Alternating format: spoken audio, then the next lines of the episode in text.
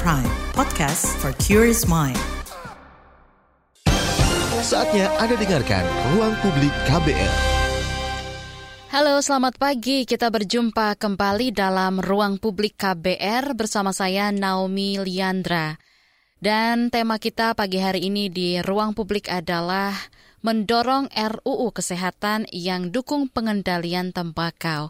Saudara RUU Kesehatan Omnibus Law saat ini tengah berproses di DPR sebagai RUU inisiatif DPR dan kesempatan ini digunakan kelompok yang mendukung pengendalian tembakau untuk memberikan masukan supaya bisa pengaturan zat aditif produk tembakau masuk dalam belaid ini. Dan ini penting mengingat prevalensi perokok anak di Indonesia juga terus meningkat atau naik. Dalam riset kesehatan dasar Riskesdas 2018, prevalensi perokok anak naik menjadi 9,1 persen dari 7,2 persen pada 2013. Jika tidak dikendalikan, prevalensi perokok anak ini nantinya bisa meningkat sampai dengan 16 persen di tahun 2030. Kita sudah tersambung bersama dengan kedua narasumber kita di pagi hari ini, bersama dengan Nina Samidi, Program Manajer Komnas Pengendalian Tembakau, dan juga Tubagus Haryo Karbantio, Tobacco Control Advocate dari Forum Warga Kota Fakta Indonesia. Kita sapa terlebih dahulu. Selamat pagi Pak Tubagus dan juga Ibu Nina. Selamat pagi Mbak Naomi. Pagi Mbak Naomi. Selamat pagi, terima kasih sudah hadir di ruang publik KBR pagi hari ini. Baik, uh, kita mulai saja dalam draft RUU Kesehatan ya, Ibu Nina dan juga Pak Tubagus yang ada di situs dpr.go.id. Pasal zat adiktif ini tertuang dalam pasal 154. Nah, produk tembakau juga masuk ke dalam kategori zat adiktif bersama dengan narkotika, psikotropika, dan juga minuman beralkohol begitu ya. Ibu Nina, secara umum seperti apa Anda melihat draft RUU Kesehatan ini terutama dengan pasal-pasal yang meliputi pengaturan produk tembakau supaya bisa mencapai penurunan prevalensi perokok anak? Ya, uh, terima kasih Mbak Naomi. Kalau dilihat uh, dari awal ya sebenarnya kami mengapresiasi apa yang sudah dilakukan oleh tim drafter bahwa mereka aware uh, uh, mengenai isu ini uh, masuknya ayat-ayat yang terkait pengendalian tembakau konsumsi produk tembakau itu sudah dimasukkan. Namun memang um, selalu uh, ada kompromi sepertinya ya, ada poin-poin yang justru uh, penting yang tidak dimasukkan. Uh, satu hal yang kami uh, lihat adalah uh, bagaimana pemerintah uh, sangat enggan memasukkan ayat iklan prom, uh, larangan iklan promosi dan sponsor rokok. Nah ini uh, inilah yang uh, salah satu hal yang mungkin kita harus perhatikan sama-sama uh, bahwa RUU ini idealnya seperti apa sih untuk pengendalian konsumsi produk tembakau gitu ya? Uh, karena kalau memang sama aja dari yang sebelum-sebelumnya uh, dan uh, kita lihat dengan regulasi yang ada sebelumnya tidak ada perubahan signifikan terhadap uh, kendali konsumsi produk tembakau, ya berarti memang harusnya ada yang berubah gitu. Hmm. Uh, mungkin Pak tuh bagus lebih paham ya poin-poin uh, yang harusnya masuk dan uh, secara hukum tuh bagaimana gitu. Karena kalau kalau saya sendiri sebagai advokat um, melihatnya ke bawah ketika di undang-undang itu tidak diatur dan uh, dibiarkan terbuka gitu, itu akan uh, berpotensi untuk terjadinya kelonggaran-kelonggaran kembali gitu, Mbak Naomi. Baik, mungkin ada yang mau ditambahkan langsung oleh Pak Tubagus dari tanggapan Ibu Nina. Silakan Pak Tubagus.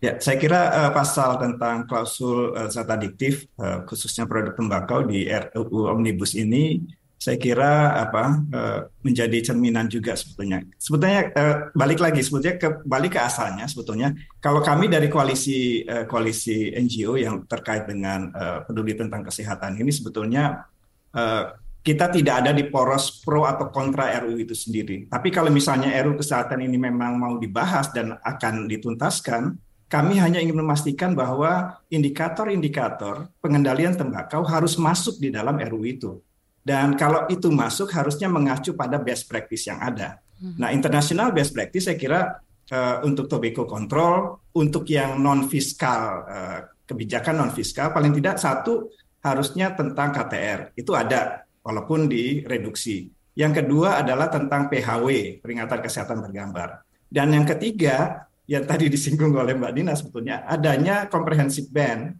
hmm. terhadap tobacco advertising, promotion, and sponsorship.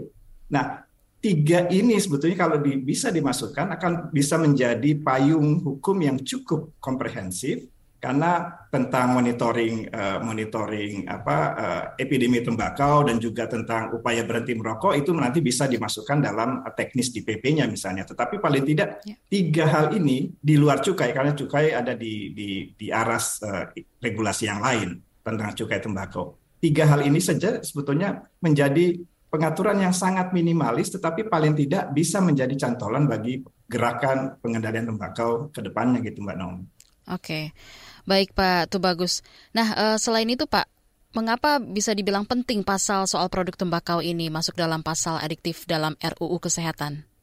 Ya, kalau dilihat sebetulnya kesejarahan uh, adanya pasal atau klausul tembakau sebagai zat adiktif itu seharusnya sudah kalau bisa dirinci lebih lanjut dalam sejarah RUU kesehatan dulu-dulu gitu.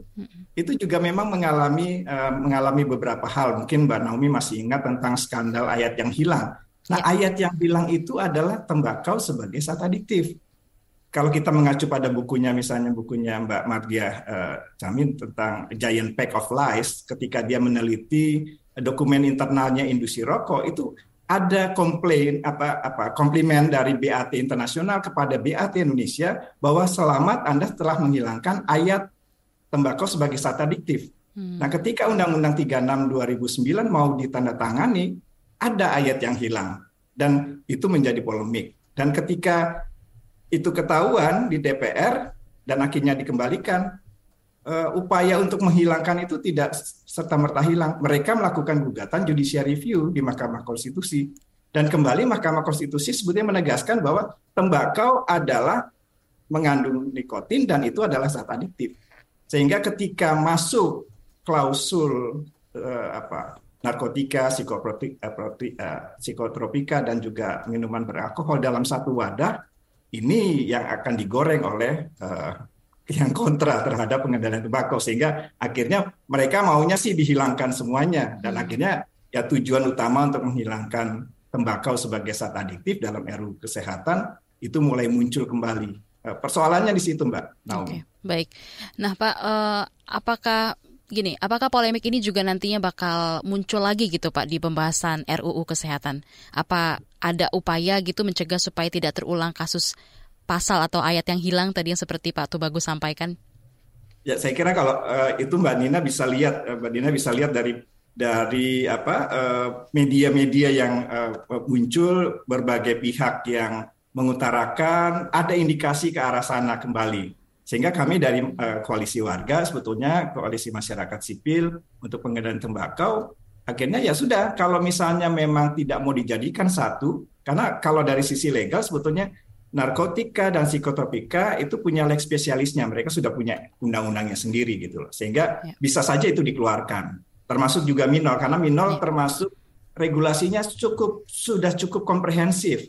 Dan kalau kita kategorikan narkotika dan psikotropika itu sebetulnya adalah uh, adiktif ilegal gitu ya. Kalau mau hmm. dikonsumsi, diedarkan itu harus harus memenuhi syarat tertentu dan itu jadi pidana. Tetapi minol dan tembakau yang sebetulnya adiktif legal itu pengaturannya lebih komprehensif uh, minor sehingga kalau toh memang uh, pemerintah dan DPR ingin apa tadi menyelamatkan anak bangsa dan seterusnya dan seterusnya pastikan kalau RUU kesehatan ini mau dibahas pastikan tetap memasukkan indikator-indikator pengendalian tembakau termasuk di dalamnya adalah zat adiktif tadi untuk uh, bisa dipastikan bahwa itu mengacu pada uh, praktek baik yang ada di dunia.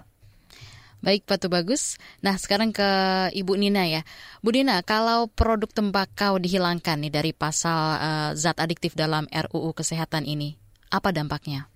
Wah, itu jangan sampai terjadi ya. Makanya sebenarnya kita semua uh, harus ikut mengawasi, bukan hanya kami yang uh, fokus dalam isu ini, tapi masyarakat publik juga. Karena uh, undang-undang ini kan tujuannya untuk perlindungan kesehatan masyarakat, meningkatkan kualitas kesehatan masyarakat. Kalau sampai zat adiktif, uh, pas ayat zat adiktif ini hilang, maka cantolan hukum untuk semua pengaturan yang sudah ada itu juga akan hilang. Sehingga kita akan mundur puluhan tahun ke belakang uh, apa yang sudah kita perjuangkan selama ini untuk memberikan perlindungan kepada masyarakat dari produk zat adiktif itu akan kembali hilang gitu ya. Ini akan jadi sebuah presiden yang sangat buruk bahkan uh, kalau dilihat secara global di seluruh dunia.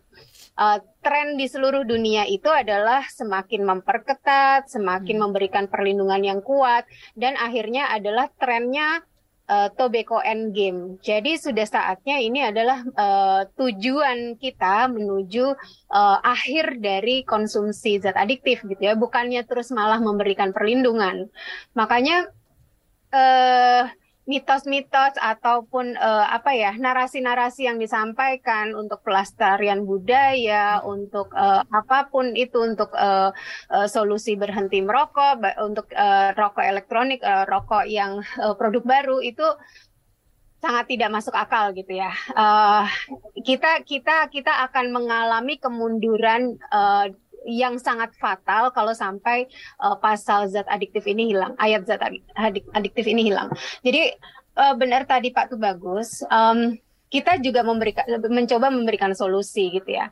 Kalau memang uh, tidak mau ya, kalau dari kemarin kan uh, mereka uh, apa kelompok-kelompok yang pro industri itu kan selalu bilangnya ini uh, mencoba mengkriminal mengkriminal mengkriminalisasi. Kriminalisasi. Kriminalisasi uh, orang-orang uh, yang bekerja uh, di uh, se, uh, apa industri tembakau baik itu uh, pekerja maupun petani. Ini kan uh, sebenarnya sesuatu yang terlalu berlebihan ya uh, walaupun uh, kan kita sama-sama tahu ya sebenarnya itu semua uh, zat adiktif yang ada di ayat zat adiktif ya itu semuanya zat adiktif. Sebenarnya hmm. itu masuk akal kenapa dijadikan satu gitu ya.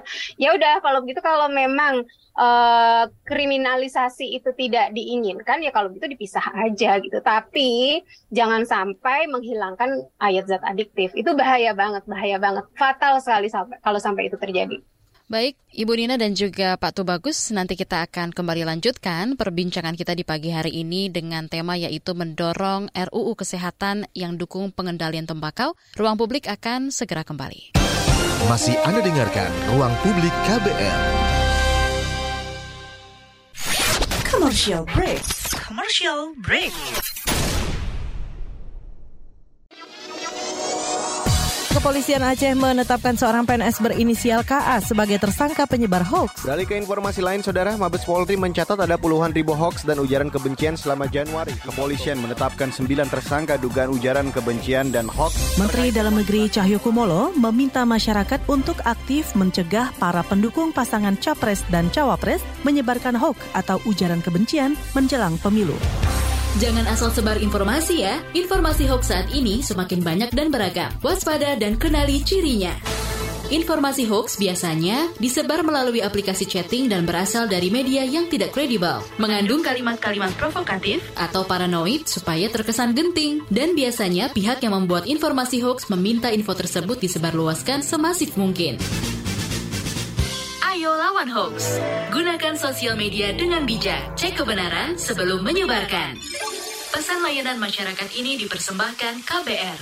Inspiratif, terpercaya. Masih Anda dengarkan Ruang Publik KBR. Anda masih menyimak ruang publik KBR pagi hari ini dengan tema yaitu mendorong RUU Kesehatan yang dukung pengendalian tembakau. Bersama dengan kedua narasumber kita ada Pak Tubagus dan juga Ibu Nina. Baik, kita lanjutkan kembali perbincangan kita ya Ibu Nina dan juga Pak Tubagus. Tadi sebelum break Ibu Nina sempat menyinggung gitu ya mengenai uh, rokok elektrik begitu. Nah berkaitan dengan itu, apakah uh, soal rokok elektrik elektronik ini dalam RUU Kesehatan sudah disebutkan secara khusus nih, Pak Tubagus? Ya, kalau dilihat dari DIM yang disampaikan hmm. pemerintah kepada DPR uh, eh, RI, sebetulnya uh, rokok elektronik itu masuk dalam definisi tadi. Jadi kalau misalnya zat, uh, apa, uh, klasifikasi zat adiktif tadi di awalnya memang tadi narkotika, psikotropika, uh, minuman beralkohol, hasil tembakau, Nah, yang terakhir dan pengolahan zat adiktif lainnya. Jadi uh, di sana di, di, didefinisikannya di sana di penjelasannya. Jadi memang sudah masuk dan uh, tadi yang diwanti-wanti oleh Ibu Nina, uh, kalau memang itu tidak mau dicampur dan sebagainya, ya silakan saja. Itu mm -hmm. saya kita kembalikan lagi kepada pemerintah, tetapi jangan sampai dua poin yang terakhir hasil tembakau dan pengolahan zat adiktif lainnya, karena kita nggak tahu ke depannya itu banyak sekali eh, produk-produk baru dan banyak sekali apa eh, zat adiktif yang diformulasikan dan bisa dikonsumsi secara legal tadi ya. itu uh, akan berkembang dengan pesat saya kira uh, fenomena ICOS, fenomena mm -hmm. uh, uh, vape dan sebagainya itu juga sudah mulai melanda anak-anak uh, muda kita begitu Mbak Naomi. Baik, terima kasih Pak Bagus. Nah, tadi uh, sudah dibahas juga ya Ibu Nina ya kalau soal uh, KTR itu sudah ada masuk tapi PHW dan juga iklan dan promosi rokok belum masuk. Ini kenapa bisa terjadi ya Ibu Nina? Mungkin bisa dijelaskan silakan. Iya, kita hanya bisa menduga ya. Tapi ini sering kali terjadi. Uh, dua poin ini sering kali dihindari gitu ya kalau kami lihatnya uh, di berbagai regulasi. Uh, kami melihat ini sebuah ketakutan kalau seumpamanya pemerintah maupun e, nanti DPR di parlemen juga dibahas adanya larangan iklan rokok misalnya e, ada ketakutan bahwa ini akan menjadi panjang dan tidak selesai-selesai gitu. Tapi kita sebenarnya patut curiga gitu. Kenapa ini ditakuti gitu? Kenapa takut uh, susah selesainya gitu? Kalau berarti artinya poin ini sangat penting gitu. Hmm. Sangat penting bagi industri karena mereka akan memakai iklan promosi dan sponsor bukan akan ya memang memakai IPS ini sebagai uh, alat utama mereka jualan gitu ya. Hmm. Di mana-mana di seluruh dunia uh, iklan promosi dan sponsor rokok itu sudah tidak ada gitu ya kita negara besar yang saya pikir satu-satunya negara besar yang masih membolehkan iklan lelu, iklan rokok leluasa di mana-mana.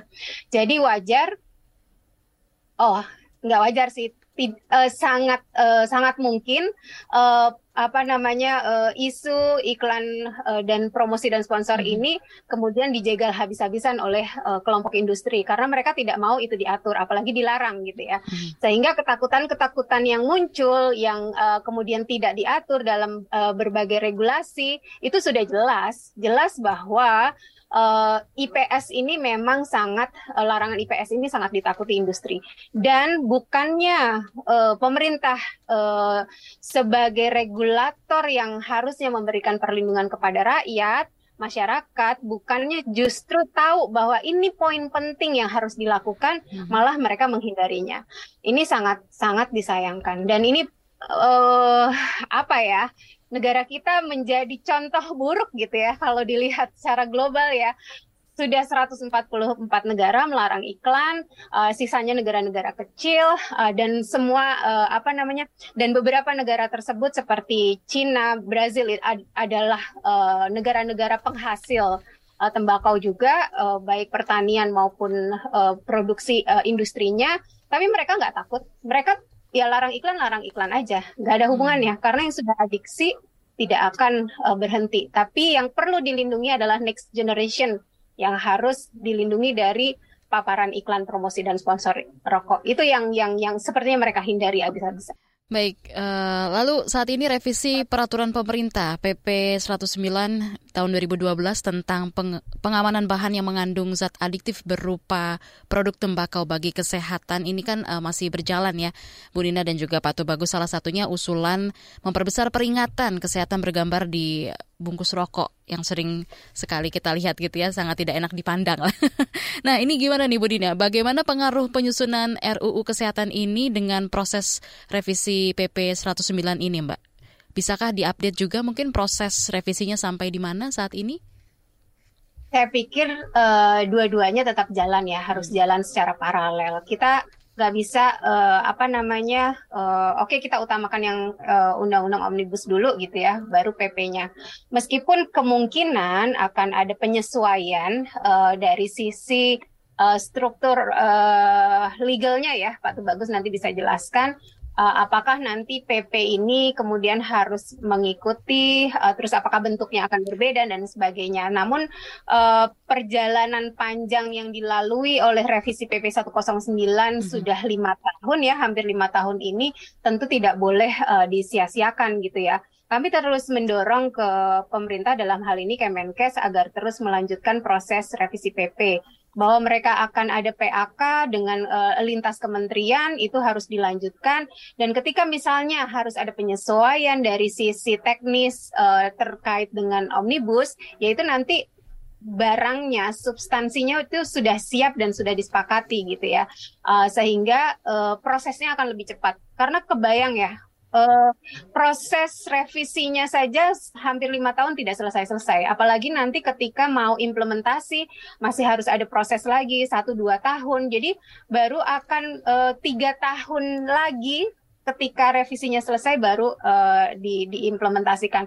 Ini ini apa rumitnya kalau saya melihatnya bukan orang hukum ya rumit banget ya di Indonesia ini untuk menghasilkan sebuah regulasi yang bagus gitu untuk publik uh, tersendat-sendat gitu ya. Sehingga ya udah uh, kita harus jalan dua-duanya uh, dan kita jaga ini substansinya tetap uh, uh, yang paling uh, ideal gitu ya. Uh, tuntutan kita tentu saja uh, perkara nanti kemudian omnibus uh, mengubah atau uh, secara strukturnya harus menyesuaikan itu kita ikuti juga uh, apa namanya Baik, mungkin tambahan dari Pak Tubagus, silakan Pak Tubagus.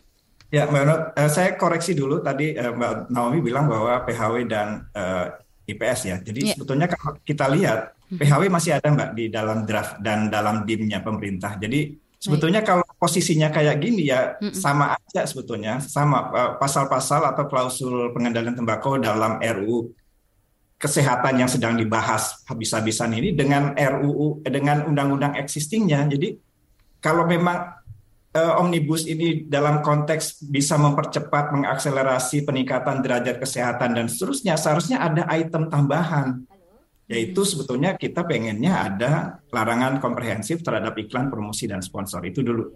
Jadi kalau kalau uh, posisi yang sekarang ya sama aja dengan uh, dengan uh, undang-undang existing. Jadi uh, apa perkembangannya, apa apa hmm. apa apa ininya ada ada milestone tambahannya apa gitu untuk untuk uh, untuk apa uh, mengurangi prevalensi.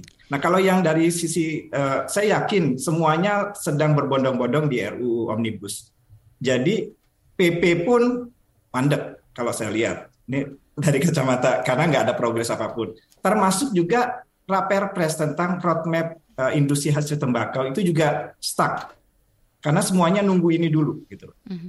Nah, kita berharap memang ini dulu diberesin, ini dulu mengacu pada best practice, baru nanti kita ngomongin uh, regulasi turunannya. Uh, kalau dari sisi uh, hukum begitu Mbak Naomi. Baik, terima kasih Pak Tubagus dan juga Ibu Nina. Sebelum kita break, kita angkat dulu ada penelpon yang sudah masuk dari Jakarta. Ada Ibu Lia. Selamat pagi Ibu Lia. Ya, selamat pagi. Ya, silakan Ibu. Ada yang mau ditanyakan?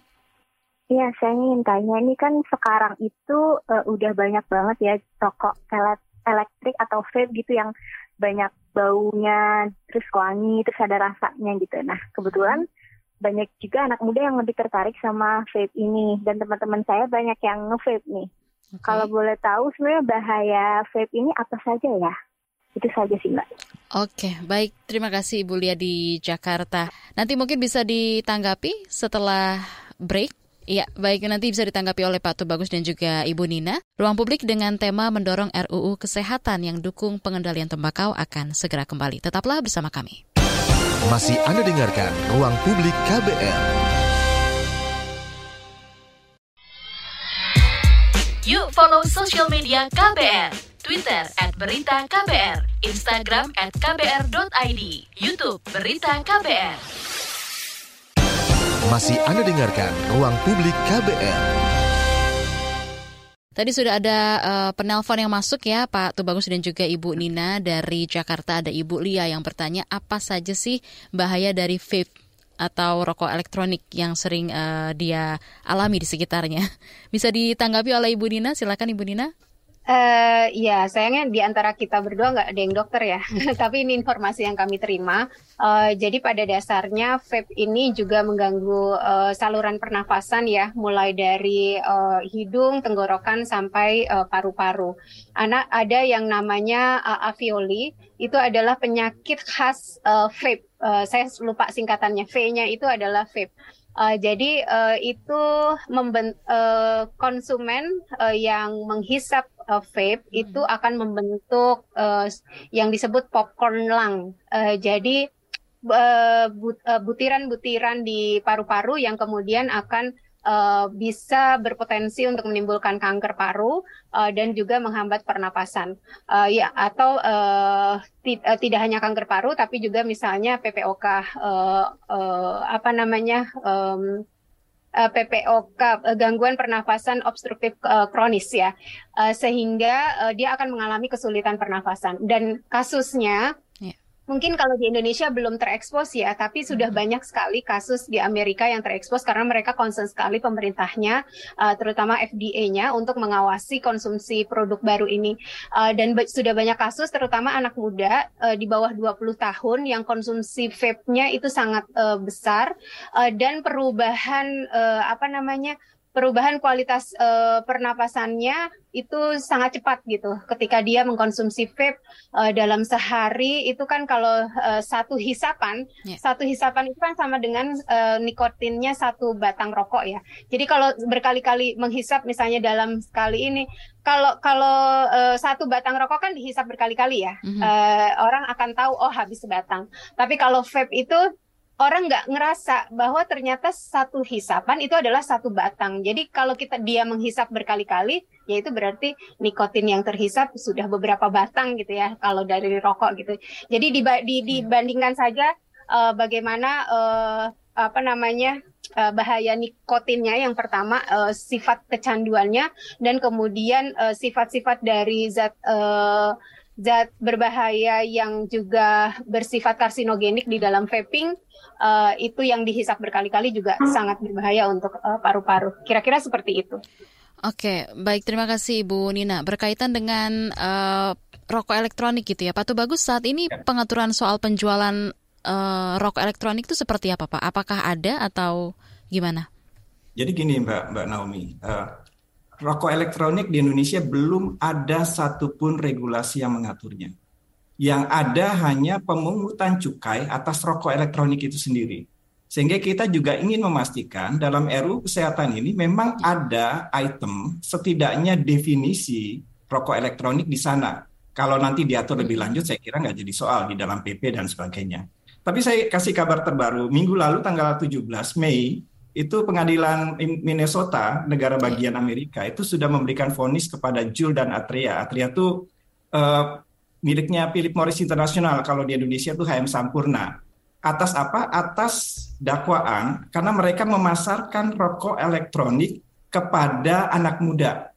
Jadi yang dibahas itu adalah karena desainnya yang ramping, menarik, dan juga berbagai rasa yang ditawarkan kepada anak muda. Hmm. Dan saya kira ini bisa jadi presiden uh, baik sebetulnya. Kalau memang pemerintah kita memang concern terhadap uh, putusan uh, terhadap generasi mudanya saya kira putusan pengadilan negeri di Minnesota yang memberikan denda hampir 60,5 juta dolar itu setara hampir satu triliun di Indonesia itu untuk untuk itu. Jadi kalau memang kita concern dengan kesehatan anak muda kita di kemudian hari pastikan indikator-indikator pengendalian tembakau masuk dalam RUU kesehatan.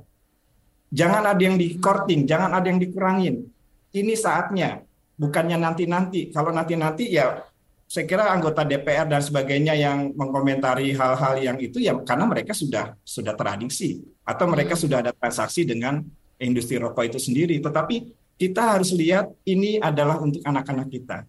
Jadi kita mulainya sekarang. Kalau RUU kesehatan ini sedang dibahas, pastikan indikator pengendalian tembakau masuk dan mengacu pada praktek baik yang ada. Baik, Baik, terima kasih Pak Tubagus. Kita akan lanjut kembali baca beberapa pertanyaan yang sudah masuk di YouTube KBR. Salah satunya ada dari Pak Donial. Apakah perjalanan beli rokok harus menunjukkan KTP? apakah sudah berjalan? Kalau belum ya berat. Gimana nih Bu Nina bisa ditanggapi? Apakah perlu Bu sampai menunjukkan uh, eh, KTP gitu untuk beli rokok? Harusnya.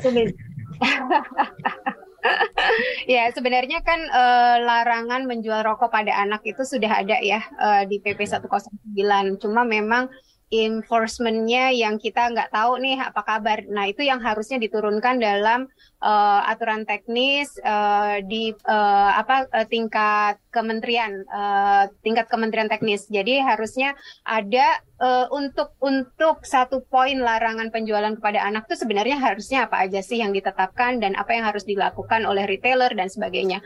Saya rasa itu belum ada ya Pak Tuh bagus ya sampai sekarang ya. Uh, dan apa namanya tapi hati-hati juga uh, karena kita um, tidak mau mengkriminali lagi-lagi saya terjebak dengan kata-kata ini kriminalisasi anak-anak uh, karena harusnya uh, itu uh, di, di, ditegakkan pada hmm. industrinya dan pada retailnya gitu. Uh, dan kalau seumpamanya kita mau uh, menerapkan harus pakai KTP dan sebagainya, uh, itu kan juga akhirnya uh, perlu ke kementerian teknis yang uh, berhubungan dengan retailer itu adalah Kemendak ya.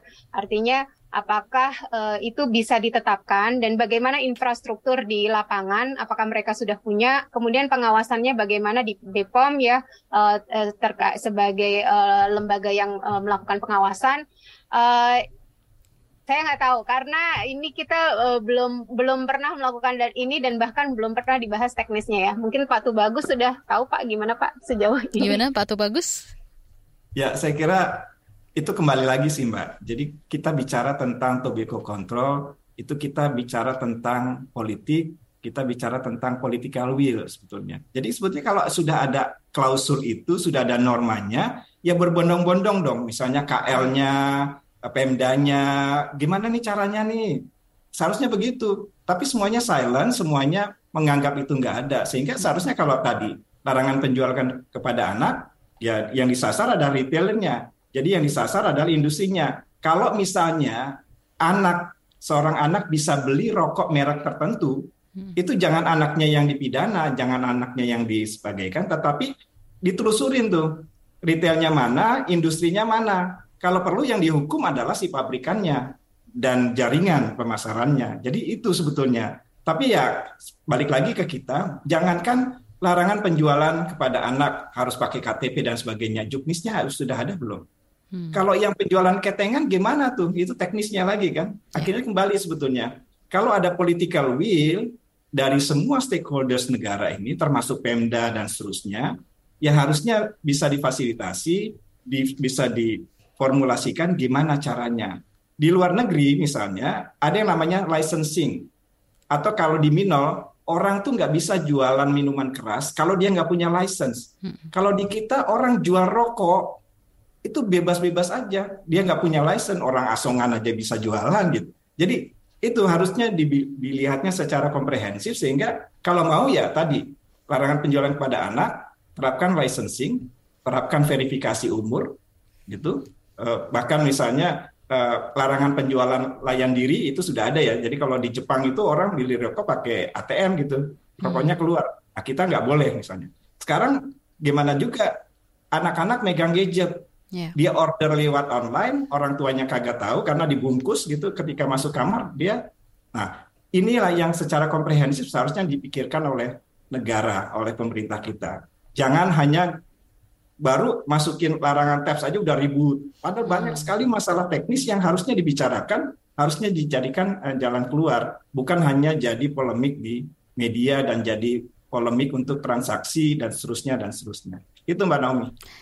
Oke, baik Pak Atu Bagus dan juga Ibu Nina. Kita lanjut lagi baca ada pertanyaan dari Jambi, Ibu Nina.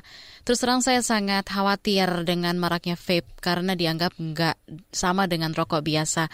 Jadi orang tua lebih permisif pada anaknya memakai vape. Padahal ini juga sama saja kan ya. Ini kaitannya dengan uh, belum ada aturannya soal penjualan rokok elektronik. Kemudian uh, kita lanjut lagi dari Manado ada Pak Johan. Iklan rokok di daerah masih sangat masif dan bisa ditemukan di mana saja, baik di jalan utama maupun di jalan kecil. Aturan soal iklan rokok ini gimana ya? Bisa ditanggapi oleh Ibu Nina, silakan Ibu. uh, itu yang di daerah-daerah itu kan media luar ruang ya. Seharusnya memang um, ya pada dasarnya itu tadi ya iklan itu belum dilarang gitu ya. Walaupun sebenarnya beberapa daerah sudah lebih progresif ya menerapkan kawasan tanpa rokok plus plus plus artinya sudah termasuk uh, larangan iklan uh, media luar ruang uh, ini uh, saya nggak bisa menanggapi lebih lanjut ya.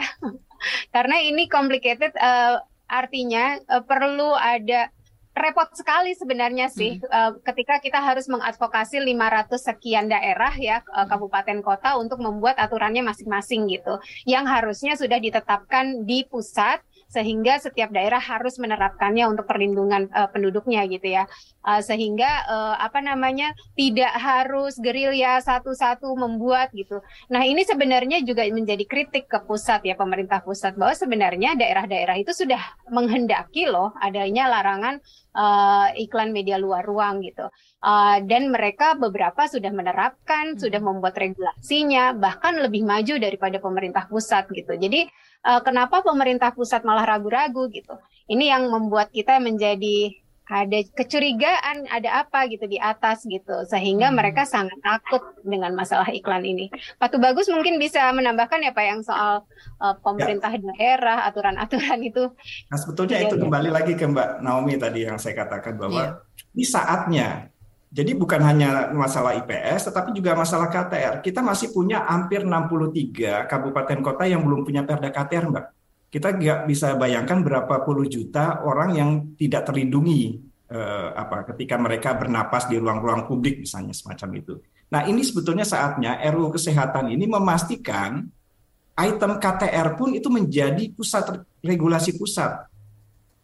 Jadi itu pun yang harusnya juga termasuk tadi IPS larangan iklan promosi dan sponsor itu menjadi regulasi pusat sehingga daerah itu hanya mengimplementasikan saja. Hmm. Nah itu kembali lagi kembali lagi ketika kita bicara tentang tobacco control kita bicara tentang politik dan kita ketika kita bicara tentang politik akhirnya kepada political will lagi.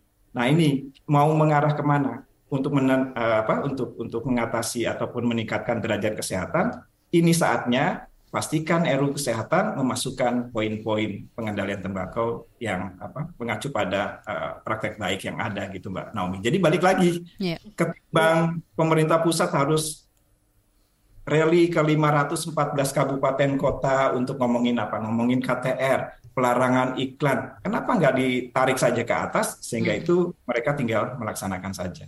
Gitu Mbak Naomi. Kalau mau lihat praktisnya tapi banyak nah. kepentingan. Muter-muter nggak ketemu ya? ya. Oke. Okay, Sebenarnya mungkin bisa dicek juga ya Mbak Naomi itu daerah-daerah mm -hmm. uh, yang pemimpinnya dari partai mana aja yang berani gitu. Yang nggak berani itu yang mana?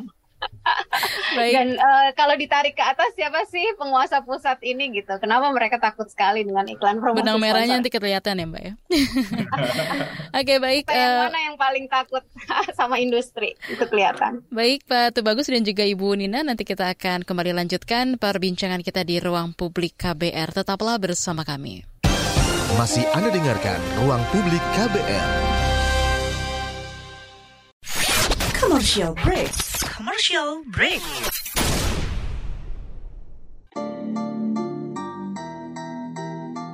Come on yo, buat yang sukanya berhoax, you better listen to this one. Check this one out yo. Hati-hati kalau baca kabar hoax, jangan langsung disebar kabar yang hoax. Kalau mau tahu kabar benar atau hoax, dengerin cek fakta yang pasti bukan hoax. Dengerinnya setiap Senin yang jelas bukan hoax. Cuma ada di kbrprime.id dan aplikasi podcast lainnya. Hoax. Sudah cukup-cukup hoaxnya? Hoax. Cukup. Jaga emosi, tahan jari, verifikasi sebelum dibagi. Saya Aribo Sasmito, Ketua Komite Pemeriksa Fakta Mafindo. KBR Prime, podcast for curious mind. Masih Anda dengarkan Ruang Publik KBR.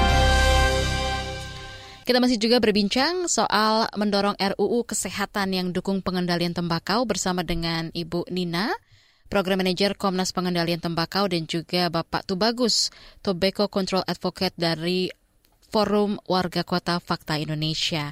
kita sudah berada nih uh, Pak Tubagus dan juga Ibu Nina di tahun politik gitu ya di mana bisa dibilang kita juga akan melaksanakan pemilu serentak 2024 mendatang. Nah, bagaimana nih menurut Anda berdua memanfaatkan momen ini untuk meningkatkan komitmen eksekutif dan legislatif pada pengendalian tembakau? Bisa dari Ibu Nina dulu, silakan. Pertanyaan berat ya ini ya.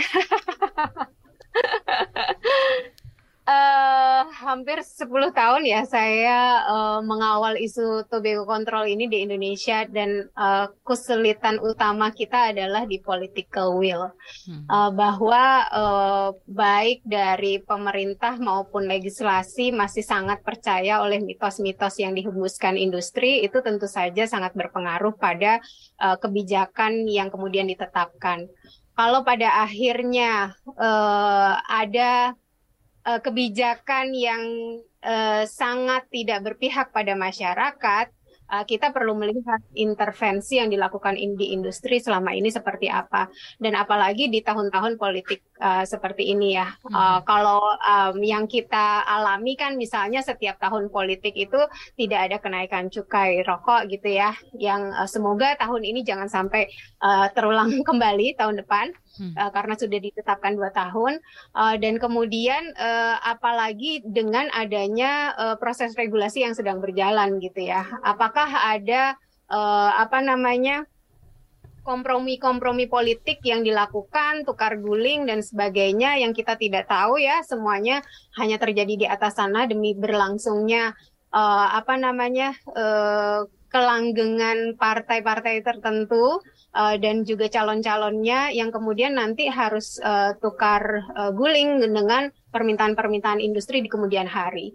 Uh, kalau bagaimana caranya membuat mereka lebih aware pada kita, pada isu yang harusnya berpihak pada masyarakat, saya tidak tahu jawabannya ya, karena kita mau ngomong hal-hal yang baik yang uh, uh, menyentuh hati nurani pun saya tidak yakin gitu karena selalu akhirnya kepentingan uh, partai, kepentingan politik lebih uh, didahulukan gitu ya demi kemenangan-kemenangan yang diharapkan gitu ya bagaimanapun caranya. Saya saya saya saya give dengan pertanyaan ini. Berarti uh, phone a friend nih ya, tanya ke Pak Tubagus gimana Pak Tubagus? Silakan nah, Pak Tubagus. Saya kira dari awal tadi saya pastikan bahwa bicara tobacco control, bicara tentang politik, bicara politik, political will, dan akhirnya kembali lagi sebetulnya. Uh, teman-teman Siatka setiap tahun mereka bikin namanya Tobacco Industry Interference Index.